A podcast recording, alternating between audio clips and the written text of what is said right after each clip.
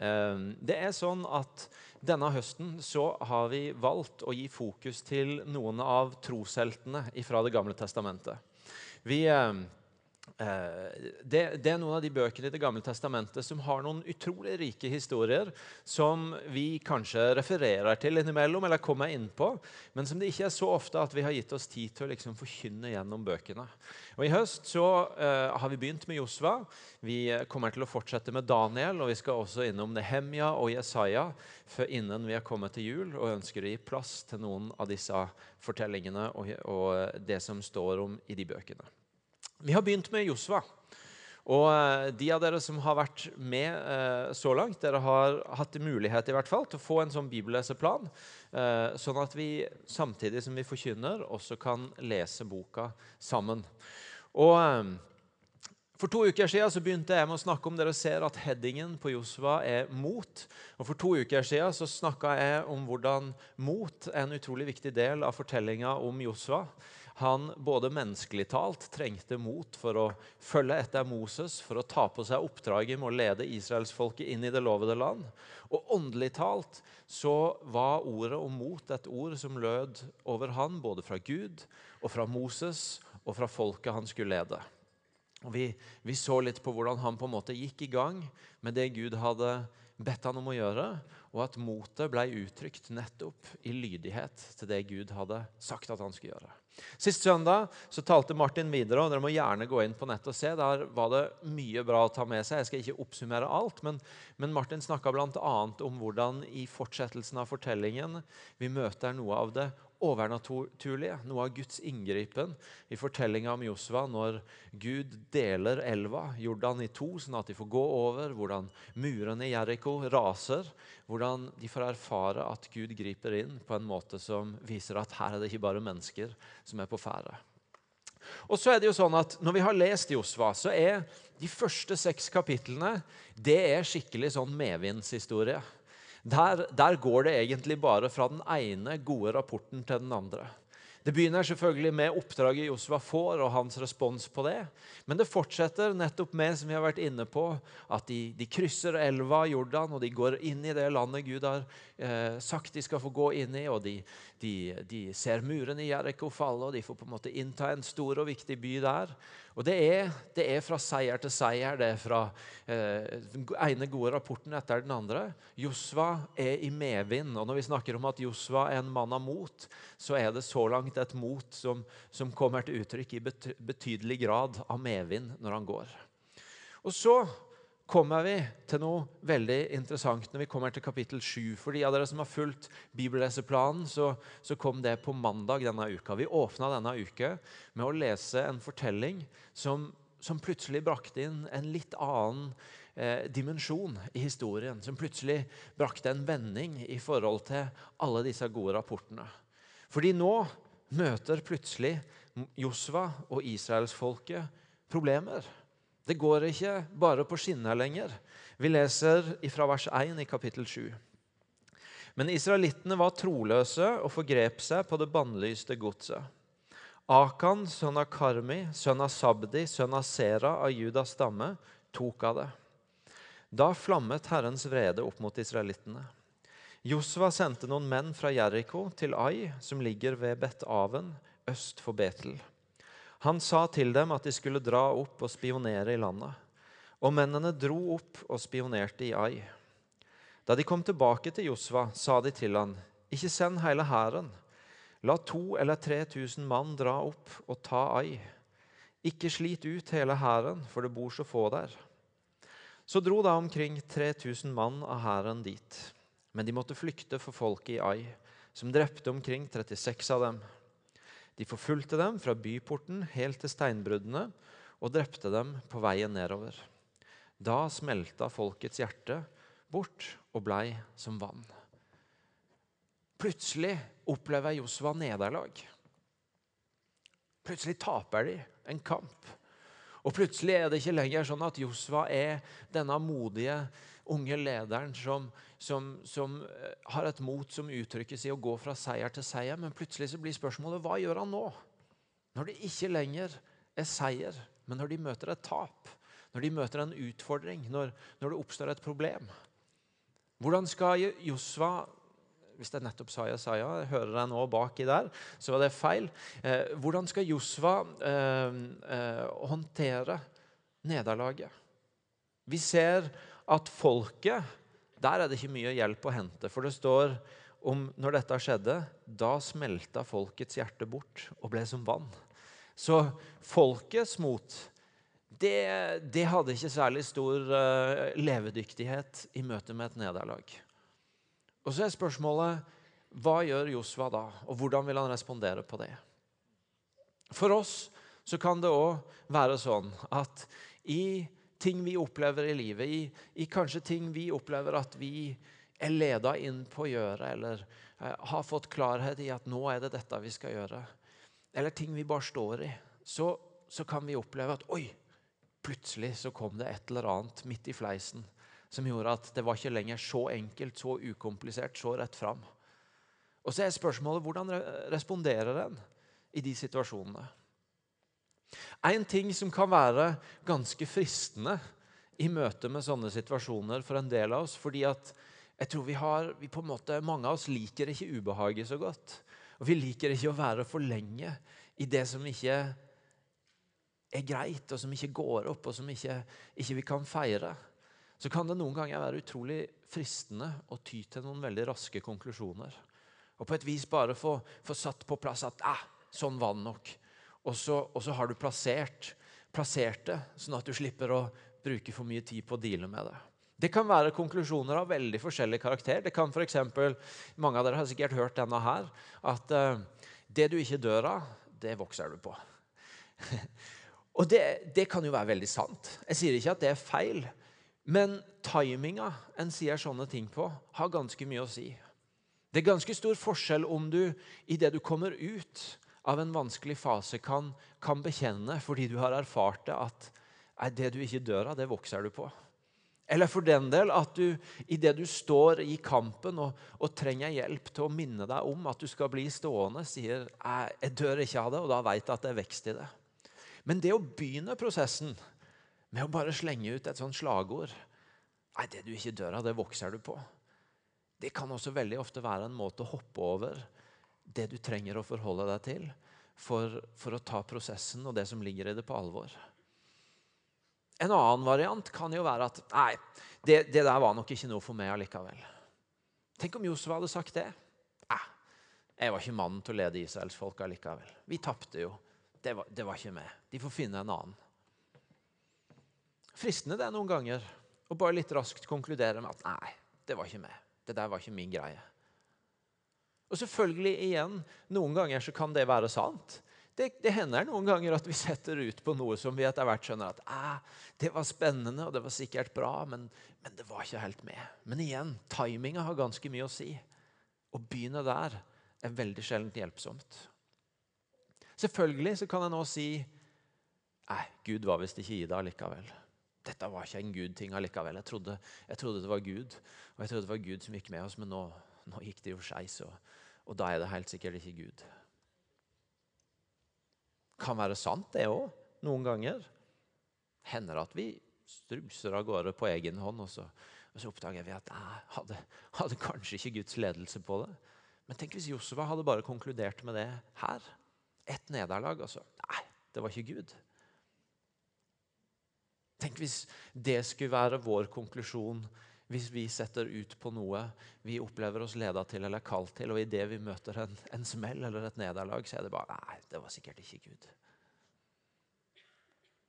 I disse her litt lettvinte konklusjonene som kan være fristende og lett å ty til, for da får vi så fort svar, og vi får så fort landa det og plassert det så møter vi kanskje noe som stikker enda litt dypere, som er fristende for oss i møte når, når, når, motbakken kommer. For det er jo det som skjer her. Josua går fra nedoverbakke til motbakke. Og så er spørsmålet hvordan ser det ut for han å vise mot i motbakke? Og Noe som kanskje er enda mer underliggende i fristelsen enn de enkle konklusjonene, det er fristelsen til å rømme fra det som er ubehagelig. På et eller annet vis rømme fra den situasjonen du nå befinner deg i og se finnes det en vei rundt det. Og Derfor så er det så spennende å se på hvordan Josfa responderer. fordi at det, Hvis vi leser videre de neste tre versene, så møter vi noe annet både enn lettvinte konklusjoner og flukt i det Josfa gjør. Det står om han ifra vers 6. Josfa flerra klærne sine og kasta seg ned med ansiktet mot jorda foran Herrens paktkiste og ble liggende helt til kvelden sammen med Israels eldste. De strødde jord på hodet. Josva sa, å Gud, min Herre, hvorfor førte du dette folket over Jordan? Var det for å overgi oss i amorittenes hender og utslette oss? Om vi bare hadde blitt på den andre siden av Jordan. Hør meg, Herre, hva skal jeg si nå når Israel har snudd ryggen til sine fiender og flykta? Når kananeerne og alle de andre som bor her i landet, får høre om dette, så kommer de til å omringe oss og utslette våre navn fra jorda. Hva vil du da gjøre for ditt navns store skyld? Hva vil du da gjøre for ditt store navn? Josva rømmer ikke ifra Gud, men han søker mot Gud. Det er en av fristelsene når livet blir vanskelig. Det er å tenke at nå, nå stikker jeg fra Gud. Kanskje ta noen enkle konklusjoner om at, om at Gud ikke var i det, eller enda verre at hvis Gud La meg oppleve dette, så, så, så stikker jeg. Josva rømmer ikke fra Gud, men det står at han kasta seg ned med ansiktet mot jorda foran Herrens paktkiste, foran det stedet hvor han visste at Gud var å finne. Og Han gjorde det ikke bare for et øyeblikk, for å på et vis ha gjort det, men der står og han blei liggende helt til kvelden. Han blei værende i nærheten av Gud, i Guds nærvær, om du vil. Han rømte ikke fra Gud, han rømte til Gud, og han blei værende der. I håp om at der var det et svar å finne, der var det en hjelp å få, der var det en trøst å motta. Og Det er en så viktig del av det å møte motbakken i livet, at vi ikke rømmer fra Gud, men vi rømmer til Han. Og og Noen ganger så er det for å få et ord å holde fast i. Andre ganger så er det kanskje for å få noe som, som, som, gjør det klarere for oss hva vi skal gjøre. Men andre ganger så handler det ikke så mye om, om hva vi skal gjøre eller om svaret, men det handler egentlig bare om å merke at han er der. Og at det gir meg mot og tro på at da kan jeg våge å gå i motbakken også. Fordi han går den sammen med meg. Og Josva rømmer ikke ifra folk. For det er fristende for noen av oss i motbakkene, det å rømme fra alle folk rundt. Og tenke at jeg orker ikke mas, jeg orker ikke spørsmål. Jeg, jeg, orker ikke skammen over at de skal se at det gikk ikke så bra som det brukte å gjøre, eller som jeg tenkte det skulle gjøre. Men det står at når Josva kasta seg ned foran Herrens paktkiste, så gjorde han det ikke alene, men han gjorde det sammen med noen. Han gjorde det sammen med Israels eldste. Josva rømmer ikke fra Gud, men han rømmer heller ikke fra folk. Han søker mot Gud, og han søker mot de folka han er på oppdrag med. De folka han er på reise med, de folka som han står sammen med. Og han søker Gud sammen med de. Og Det er så viktig for oss å få tak i i møte med motbakken at svaret ligger ikke i veien bort fra folka rundt oss, men svaret ligger mye mer i å stå sammen med de folka vi har rundt oss. Holde fast på de. La de få representere noe av trøsten, noe av motet når vårt eget mot er lavt. Hjelpen. Det kan se ut på forskjellige vis, men vi må for all del ikke rømme fra de folka vi gjør livet med når motbakken kommer. Og så rømmer Josva heller ikke ifra smerten. Eller sannheten, om du vil. For det er òg ganske fristende i motbakken. Og la meg bare slippe å forholde meg til realiteten som det er. La meg bare finne en vei rundt og late som, og, og, og, og kanskje går det over snart.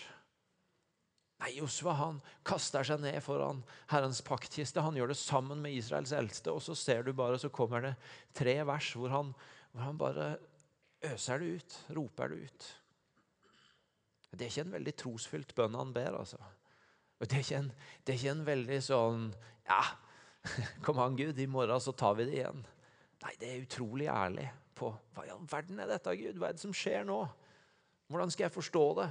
Hva, hva handler dette om, og hva har du tenkt å gjøre?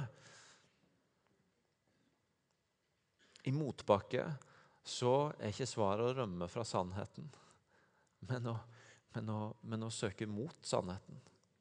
Å søke mot ærligheten, å søke mot å sette navn på det som gjorde at nå ble det motbakke. Og dette her, dette bildet Josua gir oss, det tar oss ut av de der enkle skissene og karikaturene vi noen ganger får av at i møte med motbakken i livet, så er det to veier. Det er enten de som fighter og kommer igjennom, eller så er det de som gir opp og det ikke blir noe med. Sånn er ikke livet. Det det er mer sammensatt. Og Josva gir et annet bilde.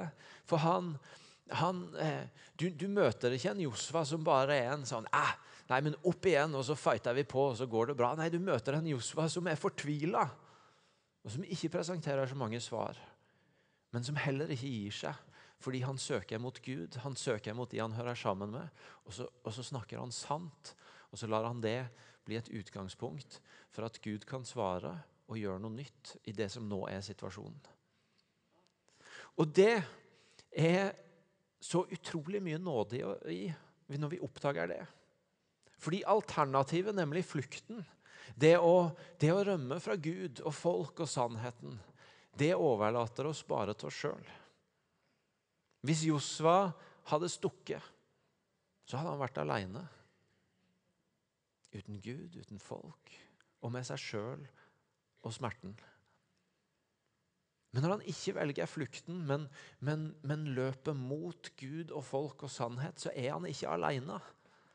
Og, og, og, det blir så tydelig at da er det heller ikke han som skal vinne denne motbakken alene. Men at det faktisk er en annen som kjemper kampen for han. Når, når, de har kommet seg ut av dette, når Gud har svart, og, og de har handla på det, og de har kommet seg på sporet igjen, så står det to ganger i kapittel 10, når de, for å si det litt enkelt, er på vinnersporet igjen. Så står det to ganger i kapittel 10. Først i vers 14, for Herren førte krig for Israel. Og så i vers 42, for Herren, Israels Gud, kjempa for Israel. Det er Gud som kjemper for dem. Når Josva ikke velger flukten, men søker sånn som jeg har beskrevet at han søker, så får han også erfare at det er ikke hans kamp, men at, men at det er Guds kamp. Og at Gud kjemper kampen for han. Mot i motbakke handler ikke om å være tøffest mulig og si ah, 'jeg klarer det'. Mot i motbakke handler mye mer om å velge å ikke flykte, men å velge å søke mot de rette tinga. Mot Gud, mot mennesker, mot sannhet. Og få erfare at i det så kjemper du ikke alene. Du skal ikke bestige motbakken alene, men du har faktisk både en Gud og andre mennesker som kjemper opp motbakken sammen med deg. Og så, og så ser vi jo i denne teksten at den konkrete grunnen her til at Josua og folket får motbakke, er i denne situasjonen at israelsfolket har vært ulydig mot Gud. De har Gud har et sterkt ønske om at israelsfolket skal få komme inn i det landet Gud har lovt dem, og erfare at det er Gud som gir dem landet, og at han sørger for dem, så de har alt de trenger i landet, fordi Gud sørger for dem. Og Derfor så sier han til dem når dere, når dere vinner, når dere, når dere inntar byer, så skal dere ikke ta noe av gods og gull som dere finner i de byene. Sånn at dere skal slippe å bli i tvil om det er dere sjøl og deres egen evne til å, til, å, til å, fighte og vinne, eller om det er meg som sørger for dere. Men dere skal være helt trygge på at det dere har, det har dere fordi jeg, deres Gud, har sørga for dere. Og Så er det likevel en blant folket som ikke har klart å, å, holde fast i det, som ikke har klart å motstå fristelsen. Og så åpenbarer det seg at, at, at, at det er det som er utgangspunktet. En viktig nyanse. Det står ikke at Gud straffer dem for det, men det står bare at det blir en konsekvens av det valget de har tatt. At, eh, at, at de i neste omgang opplever et nederlag. Og så må de vende om fra det før de kan begynne å gå videre på den veien Gud har for dem. Vi tror ikke at verden er sånn og at livet er sånn at hvis det skjer, hvis vi opplever en motbakke, hvis vi opplever noe vanskelig, så er det så enkelt som at du kan se deg tilbake og si der gjorde du noe feil. Der gjorde du noe mot, mot Guds vilje, og derfor så opplever du dette nå. Det er ikke det vi tror. Det er ikke sånn virkeligheten er. Men vi tror at dypest sett så, så er all smerte og vondt og vondskap i denne verden det, det, det stammer av at synden er kommet inn i verden, og at dødens krefter får virke blant oss. Og Noen ganger kan det være så konkret som at fordi noen andre gjorde noe galt, så rammer det du. Noen ganger så, så kan du ikke gjøre det regnestykket. Det er ikke sånn at du bare kan, kan se at uh, fordi sånn og sånn ble gjort, så ramma dette meg. Noen ganger så er det mye mer komplisert og uforklarlig enn det. Og vi må bare holde fast i at dypest sett så lever vi i en verden hvor også disse kreftene av synd og død har et spillerom. Men noen ganger så er det også sånn at vi vet at noe av den smerten vi står i, handler om at vi sjøl tok dårlige valg. At vi, at vi, valgte noe som ikke var det rette, som ikke var Guds vilje. Som vi skulle ønsket, sett i ettertid, at var annerledes. Og da er det sånn at veldig mange av de dynamikkene vi akkurat har snakka om, mer generelt rundt motbakke, egentlig også gjelder i møte med feilstrinna våre, nederlaga våre, om du vil, med synden vår. At fristelsen er å flykte, men nåden ligger i det motsatte. Fristelsen ligger å frykte fra Gud. Jeg vil ikke ha noe med jeg vil ikke, vil ikke ha noe med hans rett og galt eller hans syn på virkeligheten å gjøre. Rømme fra folk og, og hva de måtte tenke om meg. Rømme fra sannheten og plassere den et annet sted. Men så er faktisk det samme som skjer da, at når vi rømmer på den måten, i møte med det som ble feil, så er vi overlatt til oss sjøl. Så er det vi sjøl som står igjen med nederlaget. Mens nåden i fortellinga om Jesus er at når vi søker mot Han, og når vi søker mot sannheten, så er friheten å finne. fordi at akkurat som Gud igjen kjempa for Josva, og Josva fikk oppleve at han var ikke alene opp motbakken, så får vi faktisk vite og tro at i møte med nederlaget, når vi velger å søke mot istedenfor bort fra, så er ikke vi alene, men Jesus har kjempa kampen for oss. Og vi kan vinne full frihet fordi han tok straffen for det som ble galt i våre liv.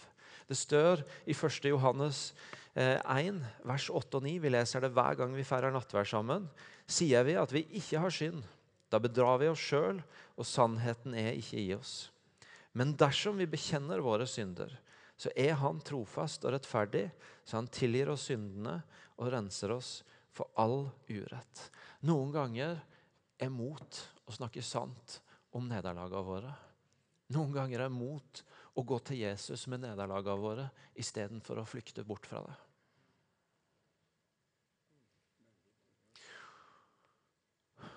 Og så, når det er sagt, så har jeg lyst til at vi skal skifte litt fokus og hoppe fram til kapittel 10, når, når, når, når Josva og folket er tilbake på vinnersporet. Fordi nå har vi snakka om ei side ved det å relatere til Gud som, som, som, handler om å komme til Han med det som er vanskelig, det som er motbakke, det som er nederlag, og bli værende der til vi merker at han har gitt oss det motet eller det ordet eller den tryggheten som vi trenger for å gå videre. I kapittel 10 så møter vi Josva når han er tilbake i kampen som Gud har gitt han å kjempe. Og så skjer det noe utrolig fascinerende. Det står fra vers 12 i kapittel 10. På den dagen da Herren ga amorittene i israelittenes hånd, talte Josva til Herren, og han sa, til, sa i israelittenes nærvær.: Sol, stå stille i Gibeon måne i Ayalons dal. Da sto solen stille, og månen stansa til folket fikk tatt hevn over sine fiender. Slik står det skrevet i den rettskaffenes bok. Solen stansa midt på himmelen, og den skyndte seg ikke med å gå ned før en heil dag var til ende. Aldri har det verken før eller siden vært en dag som denne, da Herren bønnhørte en mann slik. For Herren førte krig for Israel. Aldri har det verken før eller siden vært en dag som denne, da Herren bønnhørte en mann slik. Josva står midt i striden, og han, og han ser at Øy, vi trenger at denne dagen er lengre for at vi skal bli ferdig. Og så roper han bare ut til Gud.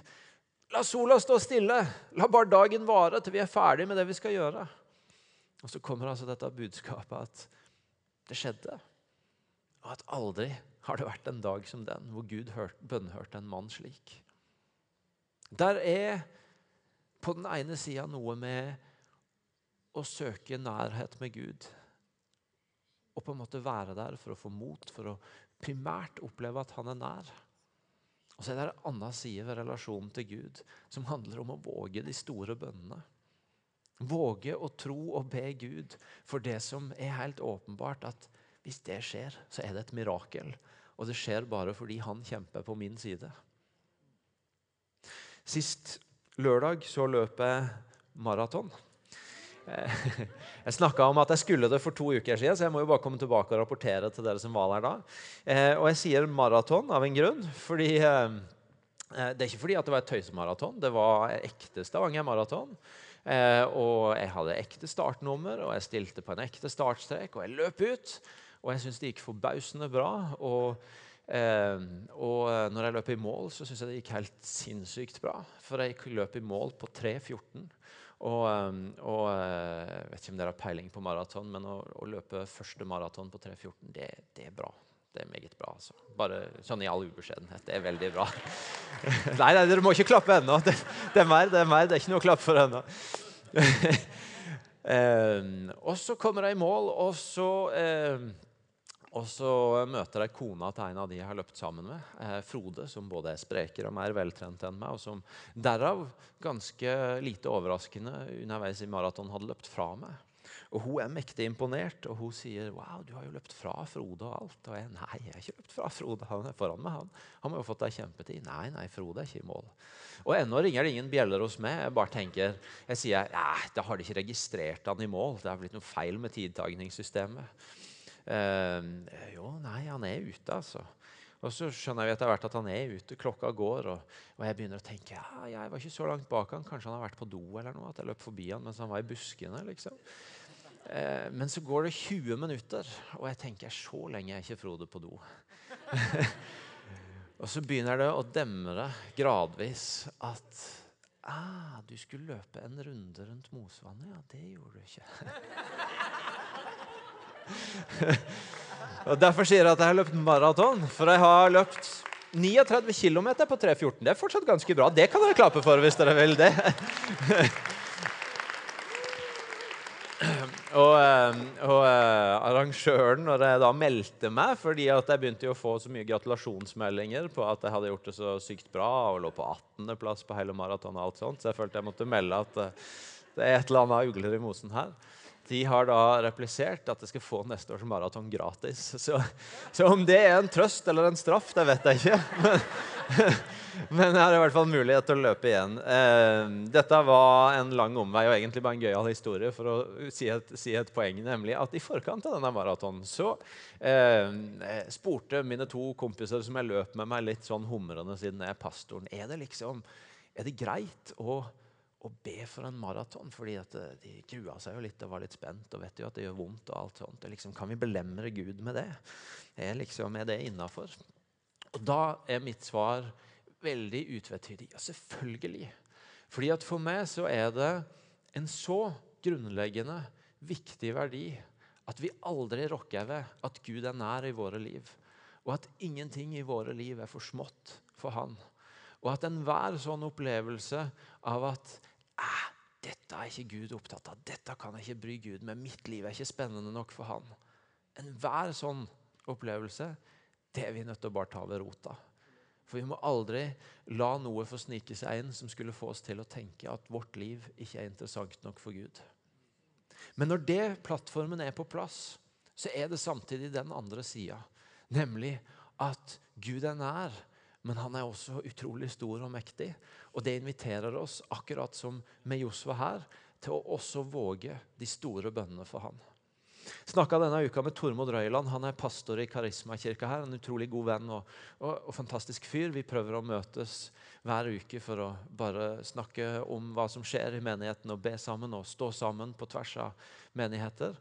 Uh, og han fortalte at uh, De siste to ukene så har de hatt bønneuker i Karisma. De har bedt seks dager i uka. og De har kommet sammen og så har de bedt veldig sånn bevisst og målretta for ulike områder i samfunnet. For media, for utdanning og skole, og for eh, de som styrer, og for, for, flere sånne forskjellige områder i samfunnet. Og så, og så syns jeg han sa noe som var utrolig interessant. Fordi han sa at eh, det var, du vet, det var litt sånn at når vi har, når vi har bedt for disse, disse tinga i samfunnet, og vi har bedt store bønner om, om, om, å se virkelig Gud gripe inn i vårt land og i vårt samfunn, så er det akkurat som når vi da har gjort det, og så kommer til noen av de sånn små tinga i mitt eget liv, så er det akkurat som jeg kjente at nei, dette har Gud tatt hånd om allerede. Dette har Gud sett allerede. Og igjen, jeg sier det ikke for å på noe som helst vis rokke ved at du kan snakke med Gud om alt.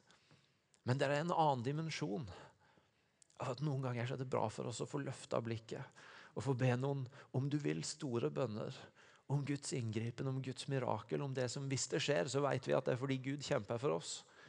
Og kanskje oppleve at da noen av de tinga som tar litt stor plass i livet vårt, at ja, Gud han er på det, han allerede. Vi kan, vi kan bruke litt mer tid på de store tinga. Og Det tror jeg også er en invitasjon til meg og du i møte med en ny høst, i møte med det vi står oppi. Gud er nær deg. Søk mot han. Legg deg ned som Josua og bli der til du er helt trygg på at han kommer til å gå med deg. Men reis deg opp igjen og våg som Josua å rope ut noen store bønner som gir deg tro og frimodighet og håp om at når dette året er over, så, så kanskje jeg virkelig har fått sett Gud gripe inn på måter jeg ikke hadde venta. Måter jeg ikke hadde tenkt med min tanke, men, men som allikevel Gud kan gjøre. For det å være på en sånn reise som Josva var, og det å leve livet sånn som vi gjør, det, det lærer oss underveis at, at, det å relatere til Gud, det skjer ikke bare på én måte. Vi har lett for å få våre favoritter.